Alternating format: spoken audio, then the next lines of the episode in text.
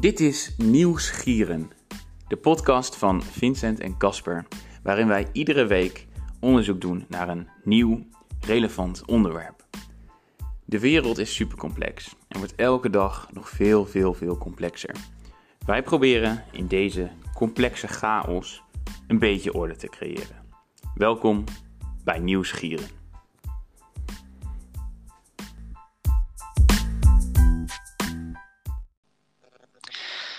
Goedendag, welkom bij aflevering 2 van de Nieuwsgieren. We gaan het vandaag hebben over de Algemene Inlichtingen en Veiligheidsdienst, de AIVD.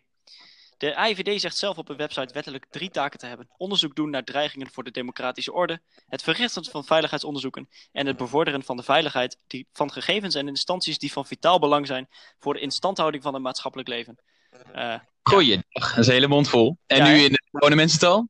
Nou ja, eh, dat laatste, het bevorderen van de beveiliging van gegevens en instanties die van vitaal belang zijn voor de instandhouding van het maatschappelijk leven. Dat, eh, dan moet je dus denken aan gegevens, ehm, eh, documenten van de politie, van de, van de recherche. Ehm, er zijn natuurlijk mensen, internationale actoren of private hackers die, daar, die dat op het oog hebben. Ja. En dat dient beveiligd te worden. Dus zij Eh, zijn als, als het ware de, de firewall en de virusscanner voor al onze alle belangrijke instanties die wij hebben. Precies, zij houden in de gaten wie waar probeert binnen te dringen. Eh, dat gebeurt nogal op dagelijkse eh, schaal namelijk. Mhm. Ehm, in Nederland hebben we twee geheime diensten. Naast de AIVD namelijk ook de MIVD, de Militaire Inlichtingen en Veiligheidsdienst. Ehm, we gaan het vooral hebben over de AIVD vandaag. En daar hangt een beetje een geheimzinnig sfeertje rond deze organisatie. Eh, ja, waarschijnlijk heeft dat te maken met dat het strikt geheim is welke informatie ze verzamelen. Het is geheim waar ze onderzoek naar doen. En het is zelfs in bepaalde mate geheim wie voor de organisatie werkt. Sommige mensen die voor de AIVD werken, die, eh, die mogen dat niet eh, vertellen aan hun naasten. Er zijn grote schandalen bekend over geheime diensten wereldwijd. Voornamelijk de, de Amerikaanse NSA, de CIA of de Israëlische Mossad. En daar gaan we het ongetwijfeld een andere keer over hebben. Vandaag focussen we op onze eigen Nederlandse geheime dienst. Ja, nou heeft onze eigen Nederlandse AIVD ook zo zijn controversiële opspraakjes meegemaakt. En daar gaan we zeker over spreken. Eh, we gaan het hebben over wat de AIVD precies is, wat het precies doet, wat het precies mag, wat het precies niet mag en of ze zich überhaupt houden aan wat ze wel en niet mogen. Ehm, zoals jullie waarschijnlijk nog weten, konden we drie jaar geleden stemmen bij een referendum over de zogenaamde sleepwet. Eh, de formele titel is de Wet op de Inlichtingen en Veiligheidsdienst 2017, de WIF 2017. En deze omstreden wet werd aangenomen nadat de meerderheid van de bevolking er tegen stemde in een referendum. En sinds die wet Ja. mag de IVD nu veel meer data verzamelen van smartphones, smartcars, smartwatches, smart televisies en binnenkort smart koelkasten en smart verwarmingsinstallaties. Dit klinkt alsof we de IVD in huis hebben gehaald in mijn oren. En om, om te checken wat andere mensen daarvan vinden, heb ik de afgelopen weken een super onwetenschappelijke peiling gehouden. Eh, door iedereen gewoon te vragen of ze het idee hebben dat de AIVD. eh, eh, of ze het idee hebben dat. eh, dat het feit dat de AIVD in principe toegang heeft tot de data van alle telefoon, en tablet en computergebruik in Nederland, of mensen dat een veiliger of een minder veilig gevoel geeft. En nou laat ik eerst jou vragen, wat, wat, wat denk jij? Ge- maakt, geeft dat veiligheid Goeie of vraag. niet?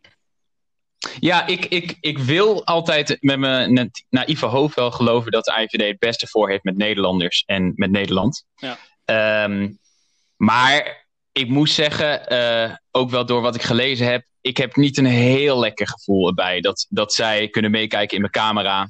eh, en dat zij gigantisch veel data Ja. over mij verzamelen. Nou ja, En ik ben heel benieuwd, wat, wat vind jij ervan zelf en, en, en wat heb je gevonden? nou, ehm, de uitkomst was ongeveer 50-50. Dus 50% van de mensen zegt, ja, dat, dat, dat maakt het land veiliger, want we kunnen beter terroristische aanslagen voorkomen. De andere 50% Ja. zegt, nee, dit, dit, brengt, dit geeft mij minder veiligheid, omdat ik niet wil dat de overheid meekijkt met wat ik doe. En Mhm. ja, ik denk dus, ehm, eh, of, je, of het je wel of niet meer veiligheid geeft, is denk ik afhankelijk van hoe je naar de overheid kijkt. Of jij de overheid vertrouwt en of je de AIVD vertrouwt. Is de AIVD een vriend of, een, ja, of, een, of misschien een potentiële vijand van, van de Nederlandse volk? Ik vind dat heel moeilijk te beantwoorden, omdat de AIVD is zo'n abstract, vaag iets voor mij. Ik ben nooit in aanraking geweest met de AIVD. Ik ken niemand die er werkt. Ik, ik, het is heel moeilijk om informatie erover te verzamelen. Eh, Mhm. heb, jij, heb jij ervaring met, met geheime diensten of zo? Ehm, nou, niet zozeer met de AIVD. Eh, ja, ongetwijfeld kijken ze af en toe mee, eh, weten ze wat ik doe. maar de enige keer dat ik echt in contact ben geweest met de geheime diensten, dat was toen ik op reis ging naar Iran in 2017. Hm. toen ik op reis ging naar Iran, ik was net klaar met mijn studie. ik was gewoon ik had gewoon zin om op reis te gaan. En Iran was een, was een land, ik wist er gewoon heel weinig vanaf. Dus ik vloog daar naartoe. Ben gewoon willekeurige mensen gaan aanspreken. Heb een hele goede tijd gehad. Ook heel veel dingen gedaan die, die niet zo slim zijn. En zo heb ik bij mensen heb ik, uh, alcohol heb ik, thuis gedronken, wat daar absoluut verboden is. Hm. ik ben wezen couchsurfen op verschillende plekken, wat betekent dat je bij die mensen thuis slaapt. wat ook verboden is in Iran. En Eén ding wat ook niet zo heel slim was, is dat op de avond liep ik terug naar mijn hostel. En er was in een koffietentje. En daar was, daar was live muziek. En uh, ik dacht, nou, dat is interessant, live muziek. Dus ik loop daar naar binnen, want ik dacht, live muziek is toch helemaal verboden in Iran. Nou, en op een gegeven moment kwam de politie en die zei inderdaad ook van, ja, jullie, nou, live muziek, jullie moeten stoppen. dus nou, toen was het doodstil. Gingen best wel wat mensen gingen weg. En toen kwam dus de man achter de bar, die, die kwam naar mij toe en die zegt, ja, wil je, wil je hier blijven of wil je ook weg? Toen zei ik, ja, ik vind het wel gezellig, want ik zat met een paar mensen te praten, dus ik wil wel blijven. En toen gingen dus de luiken van het restaurant gingen naar beneden. Hmm. En ineens legde iedereen naast me legde pakjes wiet op tafel. en begonnen ze met z'n allen binnen wiet te roken. Ja. Nou, heel apart. Um, maar goed, uh, hoe kwam ik dan in contact met geheime dienst? Nou, op een gegeven moment toen was ik in Esfahan. Ik was ongeveer twee weken in het land. En um, ik sprak de twee mensen aan en ik vroeg van... Ja, weten jullie een plekje waar ik, waar ik kan eten? Nou, en die wezen me naar, uh, naar een restaurantje. En zei ze, nou, als, als je het leuk vindt, uh, kunnen wij ook wel meegaan. Want we hebben ook nog niet gegeten. Dus ik zei, ja, tuurlijk, gezellig, leuk. Nou, dus wij daar met z'n drieën eten. Um, en um, toen uh, vroegen ze van ja, waar, waar verblijf je dan? En ik zei ja, ik verblijf in uh, nou, dit en dit hostel. En toen zei ze, oh, maar dat is echt wel heel erg crap, hè? Dat is echt heel slecht hostel. ja, ja, ja, dat klopt. Um, en zei, die, zei een van de jongens, nou, wij hebben wel een gastenverblijf. Als je wil, kun je ook wel bij ons blijven. Uh, dus toen zei ik, nou, weet je, als je me morgen ophaalt bij het hostel, dan um, ga, ik wel, ga ik wel met je mee. En dan klinkt het een hele leuke gast, dus ga ik wel met je mee en dan verblijf ik daar. Nou, dag daarna, ik sta om 12 uur met mijn backpack sta ik op, de, op de stoep. En toen uh, kwamen zij de aanrijden in de auto. Ik stap in de auto en um, toen, uh, toen wilden we wegrijden. Dus we nou, een paar meter gereden. En toen kwam er een auto van achter en die reed ons klem. Man stapte uit, uh, heel agressief, rende naar de auto toe, begon op het raam te bonken. Dus nou, die gast die draait het raam open. Hij vent helemaal te schreeuwen en die ging helemaal, helemaal los in het Farsi. Uh, dus toen moest die jongen die moest het uh, adres uh, moest die opschrijven. En de, de, andere kerel die ernaast zat, die was toevallig, hij was zelf politieagent. Dus hij begon in het Farsi begon niet te zeggen van ja, hij is van een van ons en maak je geen zorgen en het komt allemaal wel goed. Um, en nou ja, op een gegeven moment die man helemaal kwaad, maar hij had zijn adres. En um, nou, die ging op een gegeven moment weer terug naar zijn auto. Dus wij reden weg. Nou, die man achter ons aan. En toen zei dus die kerel, die zei, ja, uh, ik werk bij de politie en uh, daarom is het, uh, kon ik tegen hem zeggen van, het maakt niet uit, want nou, hij is in goede handen. Maar hij zei, eigenlijk is het verboden wat, wat er gebeurt, want je mag niet zomaar met mensen mee naar huis.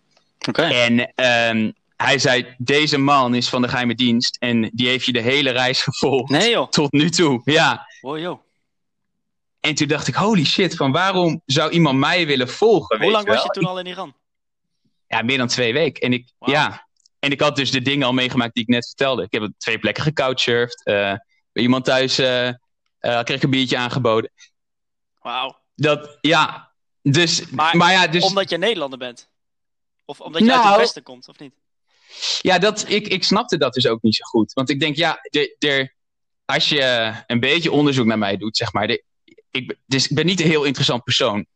En ook niet potentieel interessant. Ik, ik heb bedrijfskunde gestudeerd. Uh, niet, waarom zou iemand mij volgen? Dus dat ging daarna ook... Je hebt niet ooit een tekening van Mohammed getwitterd of zo?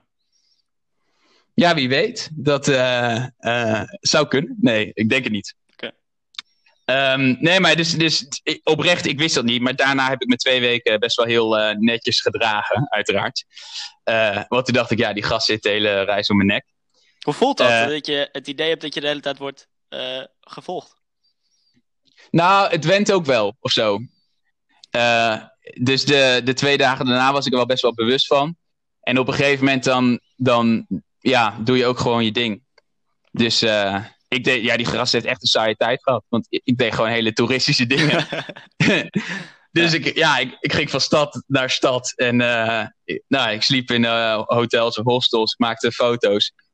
En ja, nou, dat heeft die man dus ook gezien. Maar wat zou de aanleiding kunnen zijn?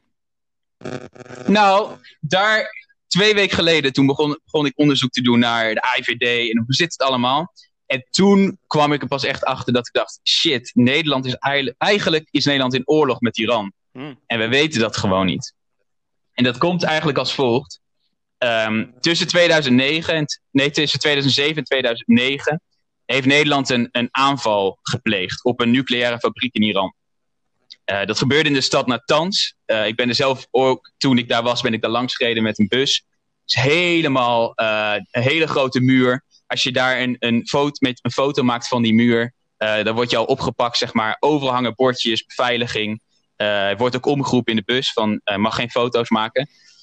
Um, dus dat is gewoon super beveiligd complex is dat, waar dat is. En 22 meter onder de aarde ligt daar de, de um, ja, hoe zou ik het noemen? Ze zeggen dat ze daar geen atoombommen maken, maar in ieder geval, ze hebben daar een at atoomprogramma. Ze, ze verrijken daar uranium, toch? Ja, klopt, klopt. Nou, wat er, ja? Uh, dat zullen zij zeggen dat ze dat doen voor energieopwekking, waarschijnlijk. Ja, klopt. Okay. Dat is het verhaal inderdaad. Ja. En het Westen denkt dat daar meer achter zit. Ja. Um, hebben ze, uh, wat ze zeggen, in ieder geval ook hele goede aanwijzingen voor. Um, maar goed, dat zei ze ook over Irak. En dat ging ook niet helemaal uh, mm -hmm. lekker. Ja. Dus, uh, maar nou wat heeft de dat... AIVD daar te zoeken? Ja, nou ja, dat, dat, dat vraag, vroeg ik me dus ook af. Dus toen ben ik een beetje gaan graven. En um, de IVD werd rond ergens tussen 2005 en 2007 werden ze gevraagd door de CIA en, toen, en door Mossad, de um, inlichtingendienst van Israël. Uh, of zij konden helpen om toegang te krijgen tot Natanz. Uh, Nederland heeft hele goede inlichtingen in Iran. En, uh, maar ze zijn, tot dat moment waren ze niet echt in oorlog met Iran. Dus ze konden heel goed onder de radar konden ze opereren. En Nederlanders vielen dus ook niet op in Iran.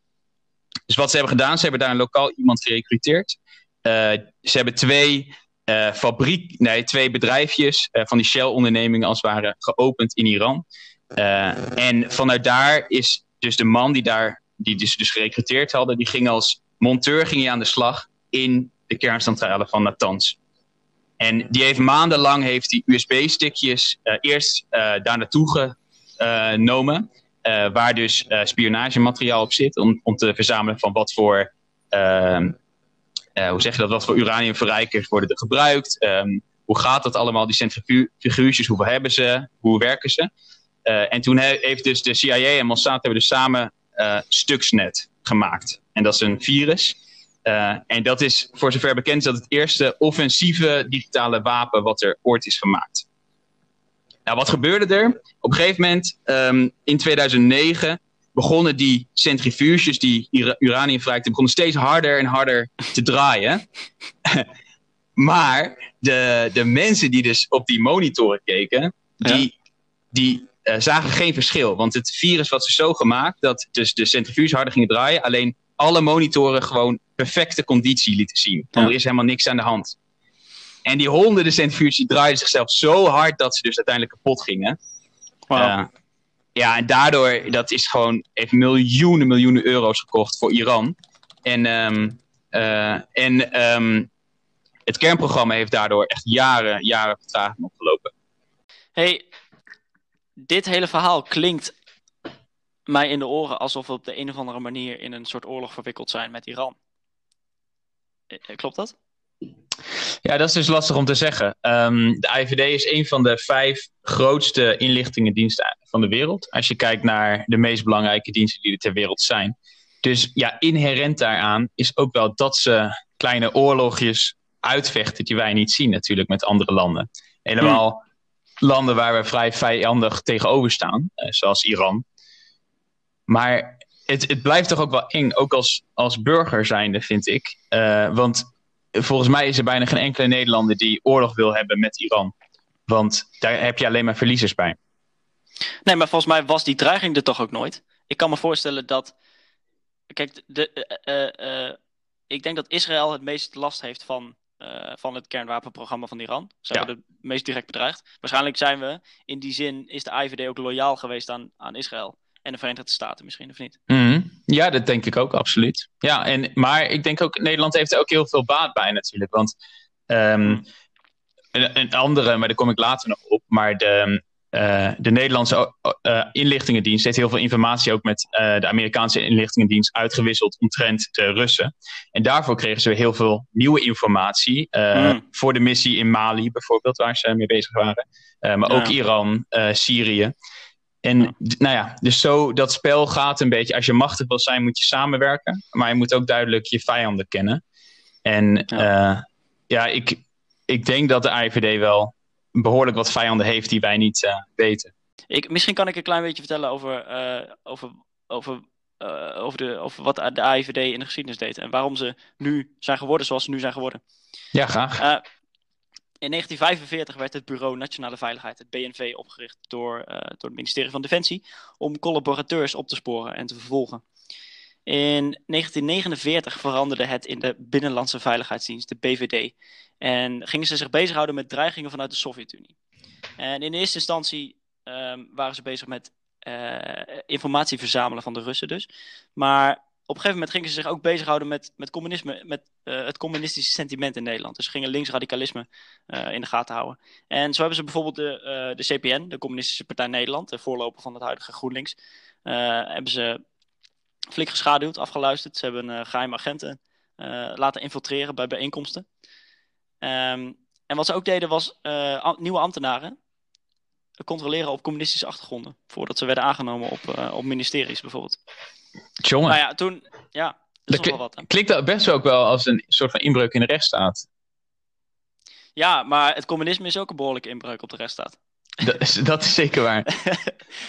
Dus uh, ja, dat was natuurlijk de grootste vijand in de, in de, 20, in de tweede helft van de 20e eeuw. Ja, nou, op zich logisch. Van, ja. Uh, het grootste gevaar voor onze democratische rechtsstaat. Ja. Nou ja, toen in 1990 het communisme instortte, toen uh, moest de BVD zich ook wel een beetje gaan heroriënteren. Dus, hè. Ze, hadden, ze moesten op zoek naar een nieuwe vijand. En um, ja, dit klinkt wat cynisch, maar um, 11 september 2001 zorgde er wel voor dat ze in één klap een nieuwe vijand hadden. Uh, de hele westerse wereld had in één keer een nieuwe vijand. Uh, namelijk uh, het jihadisme, ja. fundamentalistische islam. En dat heeft de IVD gemerkt, of althans toen nog de BVD. In 2002, een jaar na 9-11, zijn ze ook hun naam gaan aanpassen naar de Algemene Inlichtingen en Veiligheidsdienst, de IVD. hun budget is verdubbeld van 68 naar 120 miljoen. Het aantal werknemers nam toe van 850 naar 1100. En sindsdien zijn hun bevoegdheden echt gigantisch uitgebreid.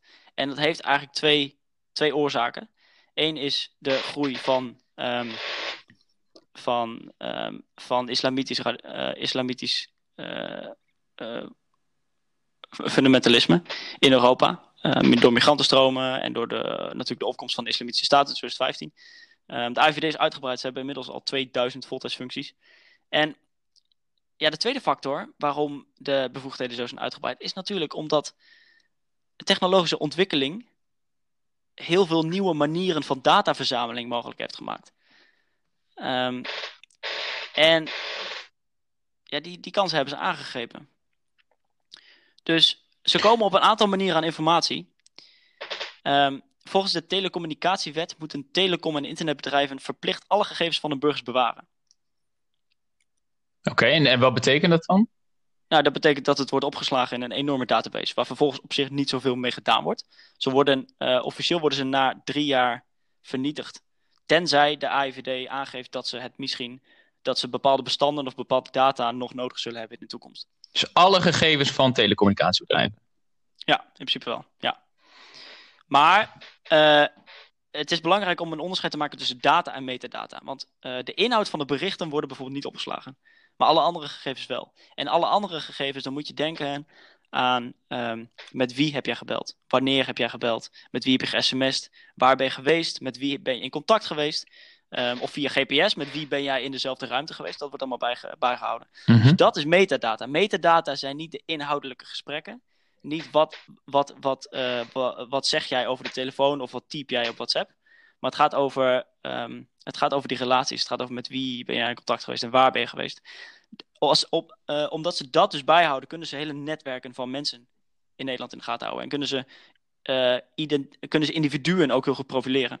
Ja, dus stel, nou, stel jij bent heel veel in contact met mensen met een jihadistische achtergrond of met radicale ideeën, uh, ja. dan kom je, uiteindelijk, kom je automatisch op een soort van rode lijst van die moeten ja. we ook in de gaten houden, want wellicht heeft hij ja. die invloeden. Is dat het idee? Ja, precies. En zo kun je dus netwerken van mensen met dezelfde soort gedachtegoed kun je, kunnen, ze, kunnen ze profileren. En um, de, de IVD, uh, 95% van de, van de data die de IVD, IVD gebruikt is metadata. Dus ze, ze lezen bijna geen berichten. En dat is, de meeste mensen zijn, maken zich daar zorgen om, weet je wel. Van ja, ik wil ja. niet dat ze meelezen op WhatsApp. Dat, dat doen ze eigenlijk bijna niet. Het gaat veel meer over de metadata. Nou, um, dat mogen ze gewoon doen. Maar um, om dus wel gesprekken te lezen, daarvoor moeten ze toestemming vragen aan het ministerie van Binnenlandse Zaken. Um, dat noemen ze een onderzoeksopdrachtgerichte interceptie, een ooginterceptie. En uh, ja, dat mag dus niet altijd, in tegenstelling tot, data, tot metadata. Nou heb ik geprobeerd op te zoeken hoe vaak ze zo'n ooginterceptie doen en hoe vaak ze mm -hmm. toestemming vragen. Um, dat is helaas niet gelukt, want uh, de TIB, de Toetsingscommissie Inzetbevoegdheden, schrijft in een jaarverslag dat de cijfers uh, worden beschouwd als staatsgeheim. Ah joh. Dus uh, alleen de IVD en het ministerie van Binnenlandse Zaken weten dat. Maar dat is ook wel interessant, want um, nou, later, daar komen we vast nog wel even op gaan. We het hebben ook onder andere over de sleepwet. Maar ja. als wij dus nu al niet weten hoe vaak er eigenlijk gebruik wordt gemaakt van dit soort dingen, uh, ja. dan is het ook best wel heel lastig om dan daar een oordeel over te vellen. Ja, klopt. En uh, ja, er zijn dus wel een aantal organen die de IVD controleren. Ja. Um, ten eerste dus, de, dus uh, het ministerie van, van Binnenlandse Zaken, waaraan ze toestemming moeten vragen als ze bijvoorbeeld data langer dan drie jaar willen bewaren of als ze uh, zo'n ooginterceptie willen doen. Um, ja, het ministerie van Binnenlandse Zaken. Is dat een goede controle? Mensen die de AVD niet vertrouwen, die zullen, ja, die zullen, misschien, die zullen waarschijnlijk de minister van, van, uh, van Binnenlandse Zaken ook niet vertrouwen. Ja, en het is ook weer interessant, hè, want die minister van Binnenlandse Zaken die is natuurlijk politiek gekleurd. Um, dus het zou best kunnen zijn dat zij daarin ook probeert dan de IVD te sturen in, in de richting mm. waar zij graag informatie over wil krijgen. Zoals jij ja. wat eerder al zei, van nou ja, de, de communistische partij die werd in de gaten gehouden. Ja. Uh, misschien dat ze nu ook wel, uh, uh, weet ik veel, de PVV of Forum voor Democratie ja. um, of de SP wel in de gaten houden en daar infiltreren. Ja. Om maar de boel onder controle te, blijven, te, te, krijgen, te houden. Ja, het zou kunnen. En zonder dat we dus weten. Ik geloof dat in Duitsland, ik las laatst dat, dat de, de Duitse geheime dienst die houdt AFD veel in de gaten. Ja. maar die, die heeft ook echt een, echt een, echt een radicale vleugel. Ik geloof, ja. dat, ik geloof dat we dat in Nederland nog niet zo kennen. Maar het zou, het zou, het zou me niet verbazen als ze dat, uh, als ze dat doen. Uh, deze, dit is ook een parlementaire controle. Uh, dat heet de Commissie Inlichtingen en Veiligheidsdiensten. Ook wel bekend als de Commissie Stiekem. Mm -hmm. En daar zitten alle fractievoorzitters van, van de partijen die, die in het parlement zitten. Nou is dit een beetje een raar verhaal. Want, die want de parlementariërs, die hebben, ja, laten we, die hebben gewoon eigenlijk de ballenverstand niet van van digitalisering en van dataverzameling. En, nee. Um, ik las een, uh, een, uh, een onderzoek van Dr. Arnoud Nieuwenhuis, hoofddocent staatsrecht aan de UvA. Uh, dat deze commissie zeer incompetent is in het controleren van de technische methodologie van de IVD. puur door, door het gebrek aan kennis over, over data en informatievoorziening. en dat is geen wonder, want dat zijn, dit zijn politicologen, dit zijn bestuurskundigen. Die zijn goed in parlementjes spelen, die zijn, ja. goed, in, die zijn goed in politiek. niks negatiefs daarover. Maar ja, die, die zitten niet vanaf een veertiende uh, uh, uh, beveiligde, beveiligde dingen, beveiligde bestanden inderdaad te hacken. Nee. in tegenstelling tot de jongens die bij de AVD werken. Dus daar worden niet echt kritische vragen gesteld. En er worden niet echt goede uitgebreide discussies gevoerd over de bevoegdheden. Dus dat is een beetje een verplicht nummertje voor de IVD. Van, daar gaan ze af en toe naartoe. En dan ja. houden ze een ja. praatje. En dan op simpele vragen beantwoorden. En dan kunnen ze gewoon weer door. Ja, daar lijkt het wel op. Okay. En daar komt nog bij dat ook, dat ook die parlementaire commissie niet toegang heeft tot alle uh, bestanden van de IVD. Omdat uh, dingen die staatsgeheim zijn, daar hebben parlementariërs ook geen toegang toe. Maar, maar zou dat, dus, dat zou dus ook betekenen dat stel ik ehm, creëer dus nu mijn eigen partij en ik word dus fractievoorzitter automatisch en ik krijg voldoende stemmen, ik weet niet hoeveel het is, iets van 150.000 of zo, om dan in de Tweede Kamer te Mhm. komen. Ehm, dat zou betekenen dat ik dus ook toegang zou hebben tot al die geheime informatie. Ja, ja. En eh, ik geloof dat ik dit Git Wilders hoorde zeggen, maar dat vond ik eigenlijk best wel een legitiem punt. Hij zegt ja, zeg maar op het moment dat Denk eh, in het parlement kwam, Ja, ja, dat, dat zijn jongens die, ja, ik heb daar geen hard bewijs voor, maar waarvan veel mensen toch wel vermoeden dat ze nauwe verbanden hebben met, eh, met, met Turkse organisaties. En dus Zeker. met de Turkse overheid. ja. Ja, de- wil je- en precies. Wil je, dat soort, eh, wil, je dat soort, wil je dat dat soort geheimen bekend worden? En dat is eigenlijk ook best wel gevaarlijk, nu je dat zo schetst. Want dit zijn twee, K- Kuzu onder andere, die, die heeft zich dan aangesloten bij, eh, eerst bij de PvdA. Nou, die, Mhm. die loopt dan daar een klein tijdje mee. Die, die, die begrijpt hoe het spelletje werkt. En dan Ja. scheidt hij zich af van de partij. Heb je ineens je eigen partij. En mag je ineens wel bij de informatie. Terwijl voorheen mocht dat natuurlijk helemaal niet. Nee, klopt. En dat is best wel een goede strategie om geheime informatie te verkrijgen. Ja, precies. En, ja, precies. En dat is, ook, eh, dat is ook waarom die commissie natuurlijk niet, eh, geen toegang heeft tot alle, tot alle data. Nee, gelukkig maar. Ja. Ja, dat is ook op zich wel begrijpelijk. Je hebt, je hebt soms echt mal maffe partijen in het parlement zitten natuurlijk, ja. ja. Ja. Oké. Nou eh, even kort. ten derde is er een intern contro controlemechanisme. De toetsingscommissie inzetbevoegdheden. ehm, en de CTIVD, de Commissie van Toezicht op de Inlichting en de Veiligheidsdienst. Die, die, de eerste, de toetsingscommissie inzetbevoegdheden, is opgericht met de, met de, met de WIV 2017. Dus die bestaat Mhm. nog niet zo lang. Eh, dat was eigenlijk een, een, dat was eigenlijk het inlegvelletje van Rutte. Eh, Oh ja? Na het referendum. Ja, je weet wel, in Nederland is er altijd een, een bepaald beleidsvoorstel. Dan komt er een referendum. Dan stemt Ja. het volk altijd nee, altijd. En dan komt de regering met een, met een inlegvelletje. Een mini En dan zeggen ze- verandering. Ja. Ja, en dan zeggen zij, ja, maar dit is, met, met deze verandering wil het, wil het volk het wel. Nou, En dan komt Daar dan niet een nooit nieuw. Nee. want het referendum is ook inmiddels afgeschaft. Maar goed, ehm, dit is dus blijkbaar wat het volk wil. En eh, nou ja, er is dus een extra orgaan gekomen om, om de IVD te controleren. En dat, dat extra orgaan, mogen zij dan, zeg maar, gaat het dan ook verder dan de organen die er bijvoorbeeld al waren? Ehm, eh, nou, eh, het, het verschil is dat ehm, de TIB is dus dat nieuwe orgaan, dat, dat, dat kijken, hoe moet ik het zeggen? De IVD moet voordat ze een interceptie, voordat ze willen gaan aftappen, moeten ze toestemming vragen aan de TIB. En dat was voorheen niet zo, want voorheen hadden ze dus de CTIVD, die, die oudere organisatie. Mhm. En eh, die controleerde alleen achteraf of ze zich aan de regels hadden gehouden.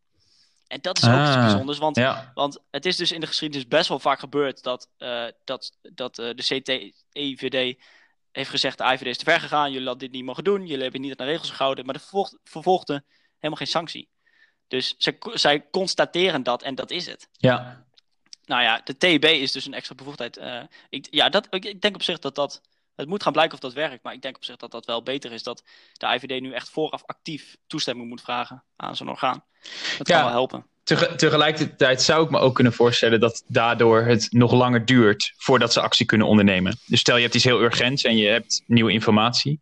Ja. Ehm, dat het, nou ja, dan eerst moet het nog langs zo'n commissie en pas dan kun je die informatie Mm. inzien. Terwijl wellicht heb je dat Mhm. heel urgent meteen nodig.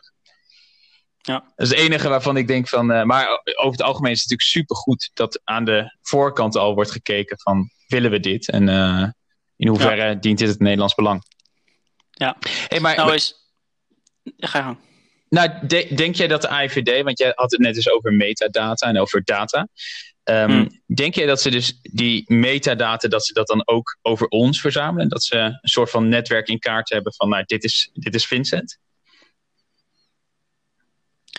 Nou ja, er is niet een mannetje achter een computer die, dat, die zich met Vincent bezighoudt.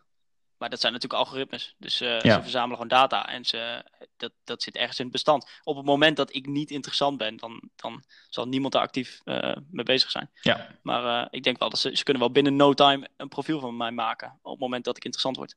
Dat ik wat eh, dubieuze eh, Google searches doe of zo. Ja, Zo, zoals we nu hebben gedaan toen we onderzoek deden naar de AIVD. ja, klopt. klopt.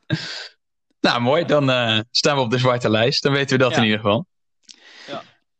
Waarschijnlijk wel, ja.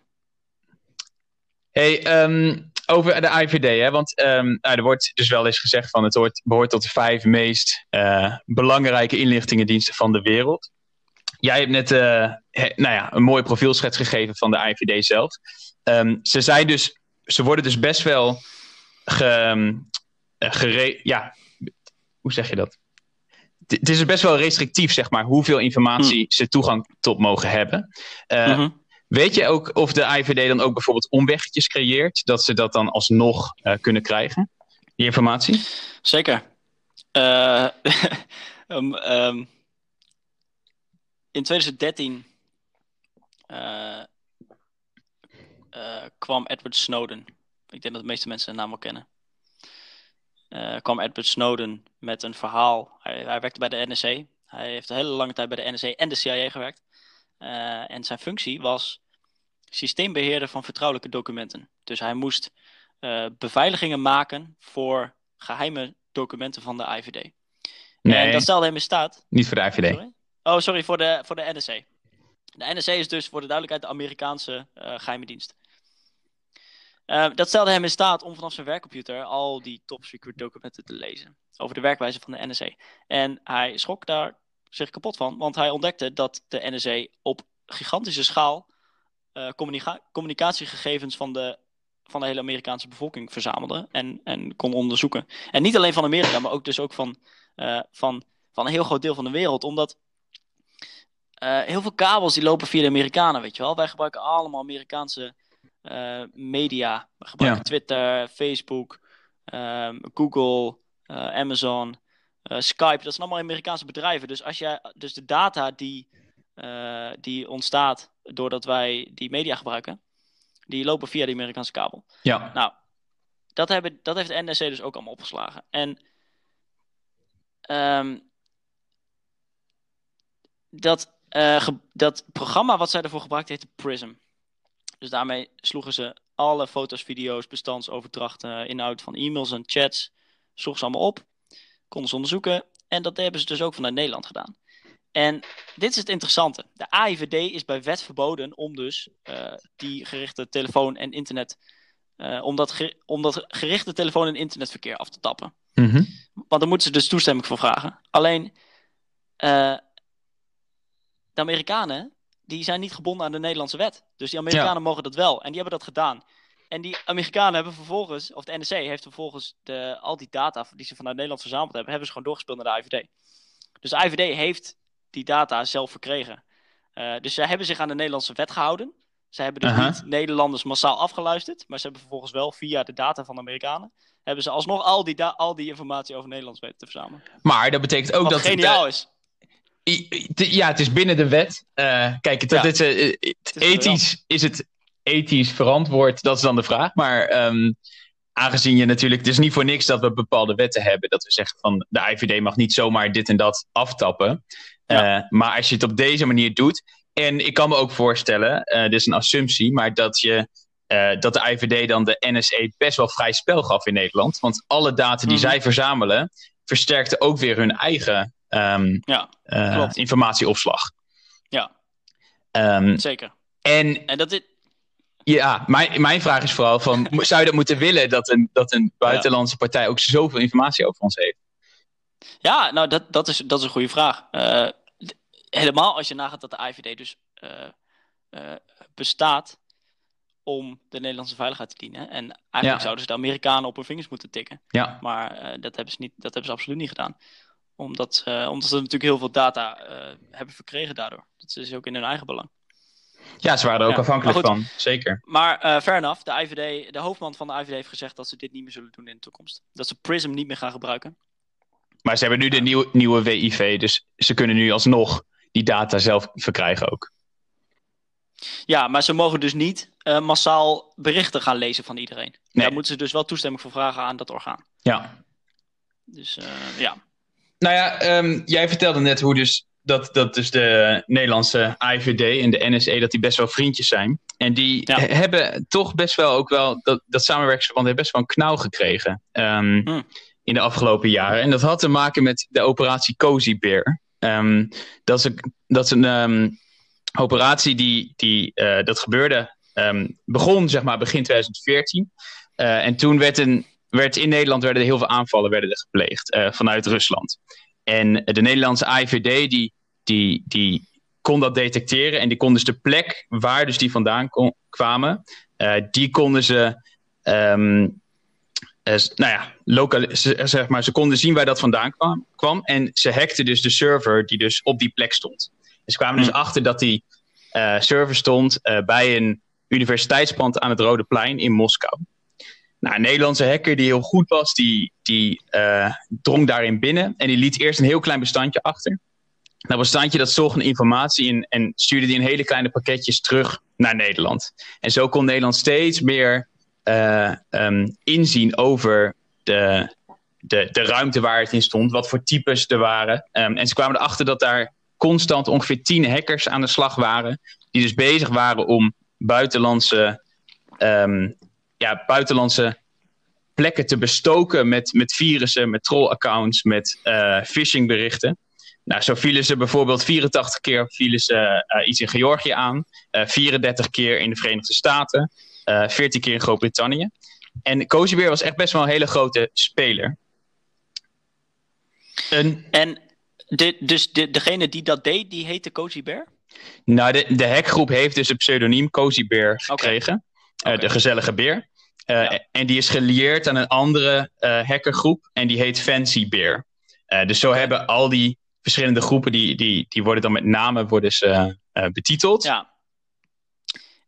En zijn dit gewoon jongens die gewoon uit zichzelf dit doen? Of heeft dit iets met de Russische overheid te maken? Zijn ze aangesteld?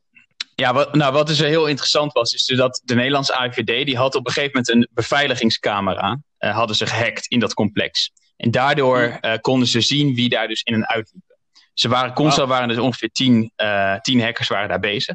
Maar er kwamen ook hooggeplaatste Russische inlichtingenofficieren... kwamen daar bijvoorbeeld binnenlopen. Um, en zo zagen ze dus dat het.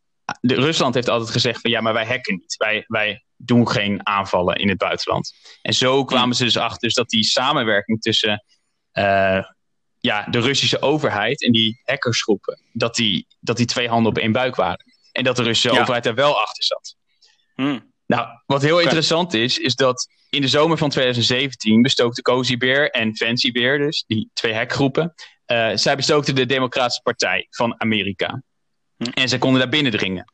En uh, toen stolen ze bijna 20.000 e-mails um, van Hillary Clinton. Die zij later via Wikileaks publiceerde. En dat was dus tijdens de verkiezingsstrijd. Um, ja. En daardoor, door wat ook in die e-mail stond, was Hillary Clinton gigantisch in discrediet gebracht ten overstaan ja. van Donald Trump.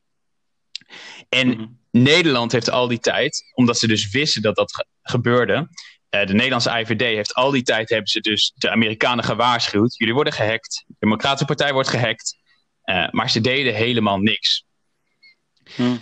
En nou ja, daarna de, de Democratische Partij, nadat ze dus wisten dat ze gehackt waren, want die e-mails waren gepubliceerd. Uh, toen hebben ze een uitgebreid intern onderzoek gedaan, maar toen was het al veel te laat. Want Rusland had zich succesvol gemengd in de Amerikaanse verkiezingen. Hmm. En dat was positief natuurlijk voor Trump. Hmm. Nou, wat er daarna gebeurde, is dat Cozy Bear die, die was er succesvol daar binnengedrongen en toen gingen ze door.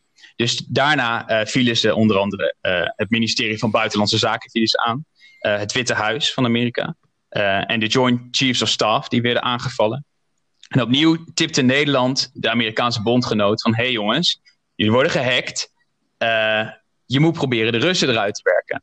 Nou, toen luisterden de Amerikanen wel. En uh, nou, daarvoor, uh, um, in ruil daarvoor kreeg dan de Nederlandse inlichtingendienst kreeg dan weer de informatie, bijvoorbeeld over Mali en over Noord-Korea. en de samenwerking toen was dus best wel heel goed en heel veel trust, zeg maar, um, van de mm. een naar de andere kant. Alleen op een gegeven moment uh, nadat de Nederlanders dus drie jaar uh, Cozy Bear konden bespioneren. Um, op een dag openen ze dat bestand weer en toen gebeurde er helemaal niks. En de IVD kon geen verbinding leggen. En de oorzaak hm. was dat een adjunct-directeur van de NSA, Richard Letchett heet hij, heeft in april 2017 heeft hij op een veiligheidscongres heeft hij verteld dat de Amerikanen dankzij een westerse bondgenoot de Russen uit het ministerie van Binnenlandse Zaken hadden kunnen werken. En toen wisten de Russen, ja, we worden bespioneerd. Dus die hebben het hele systeem doorlopen. Uh, kwamen natuurlijk achter dat de Nederlanders daarin zaten. Uh, en de Nederland, Nederlandse IVD was echt, echt heel boos over. Hmm. Want ja, zo'n zo'n gigantische catch hadden ze eigenlijk nog bijna nooit gehad.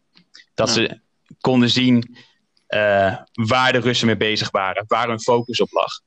Eh, en nu weten we dat natuurlijk ook niet meer. Dus daarna is dus de Nederlandse band met Amerika is wel echt veel, veel minder geworden.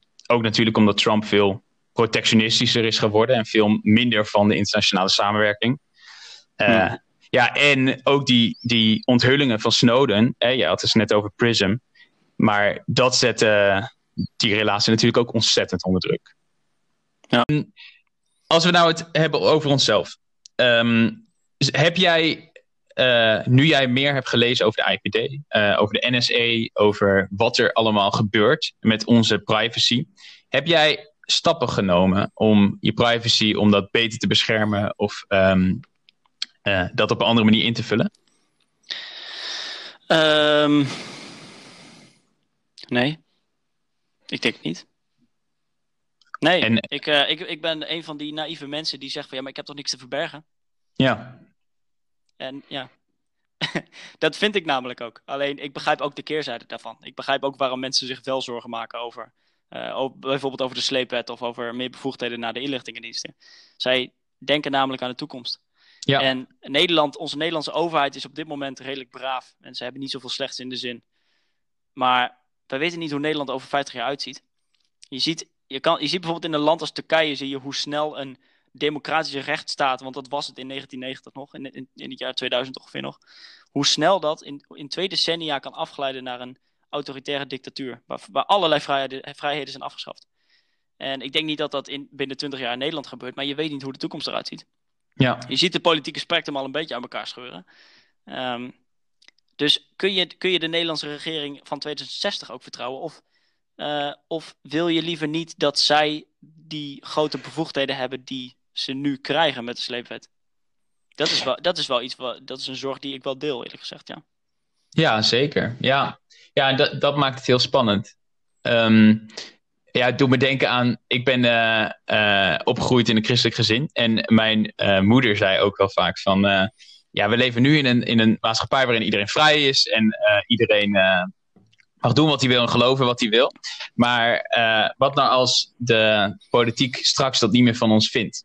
En Hmm. dat we ineens niet meer christelijk mogen zijn. Of niet meer mogen geloven en denken wat wij daadwerkelijk vinden. Ja. En dan is de macht van de, van de IVD is natuurlijk wel daarin heel belangrijk. Want stel, puur al vanwege jouw geloofsovertuiging of vanwege jouw opinie, word je Mhm. aan een bepaalde lijst gezet. Eh, dan Ja. is dat lijstje er heel makkelijk om dat erbij te pakken al op het moment dat de overheid eh, nou ja, 180 graden draait. Ja. Zoals je in Turkije bijvoorbeeld ziet inderdaad. Ja, precies. En wat inderdaad als, als vrijheid van iets bazaals als vrijheid van spraak wordt afgeschaft. Dat kunnen wij ons niet voorstellen, maar eh, we hebben in de coronacrisis hebben we een klein vleugje kunnen proeven van censuur. Google censureert, YouTube censureert, Facebook censureert. Zij censureren dus mensen die volgens hun desinformatie verspreiden over, over COVID. Eh, onder, onder een mom van, ja, we zitten in een crisis en je kunt nu geen verdeeldheid zaaien en zo. En eh, geen nepnieuws zaaien over COVID. Oké, akkoord. Daar valt wat voor te zeggen in tijden van crisis. Mhm. Maar ehm, Wie Ja. zorgt dat ze straks weer teruggaan in hun, in hun hok? ja, en wie bepaalt Na de het een crisis. crisis is? Kijk, de Ja, stikstofcrisis was ook een crisis. Ga je dan boeren de mond snoeren? Lijkt me ook geen goed idee, toch? Ja, wat dat betreft zijn het ook interessante tijden. Ehm, Ja. Wij, we weten niet waar het naartoe gaat. Ehm, we, we geven de IVD steeds meer macht. En, en we geven dat ook steeds meer uit handen, omdat wij heel erg afhankelijk zijn geworden van het internet. En van ook de technologie die we gebruiken. Eh, het biedt veel voordelen. Maar ja, het gebruiken van een Facebook bijvoorbeeld betekent automatisch. Hè, de, het, de dienst is gratis, dus jij bent het product. Dus jouw Hmm. informatie en jouw data wordt doorverkocht. Ja. En in hoeverre we daarvan de consequenties kunnen overzien, ik denk dat we echt in de toekomst onszelf voor de kop gaan slaan. Dat we denken, Ja. waarom zijn we zo naïef geweest? Ja, dat, Dat, denk we ik soort, wel. dat we soort van langzaam afglijden naar een, eh, een, eh, een, eh, een totalitair model naar Chinees voorbeeld. Nou, het hoeft niet eens Chinees te zijn. Ik denk dat bijvoorbeeld uh, op dit moment verzamelen we ze uh, steeds meer informatie over hoe wij zijn en hoe wij werken, ook als consument bijvoorbeeld. En ze kunnen steeds beter ons gedrag beïnvloeden en de manieren hoe wij wat we koken, kopen, ja. uh, hoe we ons leven indelen. Um, en ik denk, en daar ben ik ook een beetje bang voor, is dat wij steeds meer richting een bepaalde levensstijl worden gepusht, richting bepaalde mm. overtuigingen, mm. Uh, terwijl we daar gewoon niet bewust van zijn. Dus ik denk niet een Chinees model, zeker niet, maar meer een market, marktgeleid model. Ja. En volgens mij zie je dat al in Amerika. Uh, en, en dat, dat doet de mensen geen goed. Nee. Nee, en nee, nee, snap ik. En de, en de geheime diensten gaan niet uit zichzelf bevoegdheden opgeven. Nee. Uh, dat, is ook iets, dat is ook goed om te beseffen. Dus ik, ik, denk, ik, ben, ik ben helemaal geen voorstander van referenda zelf. Maar ik denk dat dit een onderwerp is waar een referendum best zou passen. Omdat een bevolking op een gegeven moment wel kan zeggen van ja, maar dit gaat te ver. We willen niet zoveel privacy en vrijheden opgeven. Ja, daar ben ik het dus niet helemaal met je eens. Omdat uh, de bevolking weet gewoon heel weinig over wat de IVD doet. En daardoor kunnen zij nooit een goede inschatting maken. Uh, nee, maar wie gaat ze dan stoppen als het te ver gaat? Ja, dat is de grote vraag. Ja. Dat, dat is de grote vraag. Ja. Ik moet zeggen dat ik het niet weet. Nee, we gaan het zien. Het wordt spannend. Um, het is goed ook te vermelden, denk ik, dat het, uh, dat het natuurlijk geweldig is dat al die mensen bij de AIVD ook aanslagen voorkomen. En ja. uh, wel degelijk ons, uh, ons veilig houden. Um, wat ik nog even wil vermelden is Dick Schoof, de baas van de AIVD. Um, stelt overigens dat bedrijven terughouden moeten zijn in het aankopen van Chinese apparatuur bij het aanleggen van 5G. En um, providers die nu al Chinese apparatuur hebben, zouden moeten kijken volgens hem of ze die dingen alsnog kunnen verwijderen uit het netwerk. Dat is dus wel echt oprechte zorg. Ja. Uh, dat al die informatie naar de, naar de Chinezen wordt doorgespeeld. Ja, ik kijk ook even naar mijn telefoon. Ik heb net een uh, Xiaomi heb ik aangeschaft, een paar weken geleden. Hm. Uh, en ik gebruik daarop natuurlijk Android en ik gebruik ook heel veel Amerikaanse social media, weet ik veel niet wat. Maar ja, die, ik kan me niet voorstellen dat de Chinese overheid geen, geen backdoor, een geheim George heeft ingebouwd in de software van bijvoorbeeld Xiaomi. Want nee. Amerika doet precies hetzelfde met, met Microsoft en met Apple. Ja. Uh, dus ja, hoeveel, hoeveel informatie geven we op? Hè? En, en, en ja, is er, komt er een moment dat dat, ons, uh, tegen, dat dat zich tegen ons gaat keren? Ja. Dat is de grote vraag. Dat is de grote vraag. Ik ben benieuwd. Ja, laten we hopen dat we niet richting China gaan. Dat we ook niet richting een Amerikaans model gaan. Maar dat we onze vrijheden die we nu hebben, dat we die mogen behouden. Dat lijkt me een mooi slotwoorden. Was me genoegen. En uh, over twee weken komen wij weer met een uh, nieuwe episode. All right. Tot dan. Tot dan.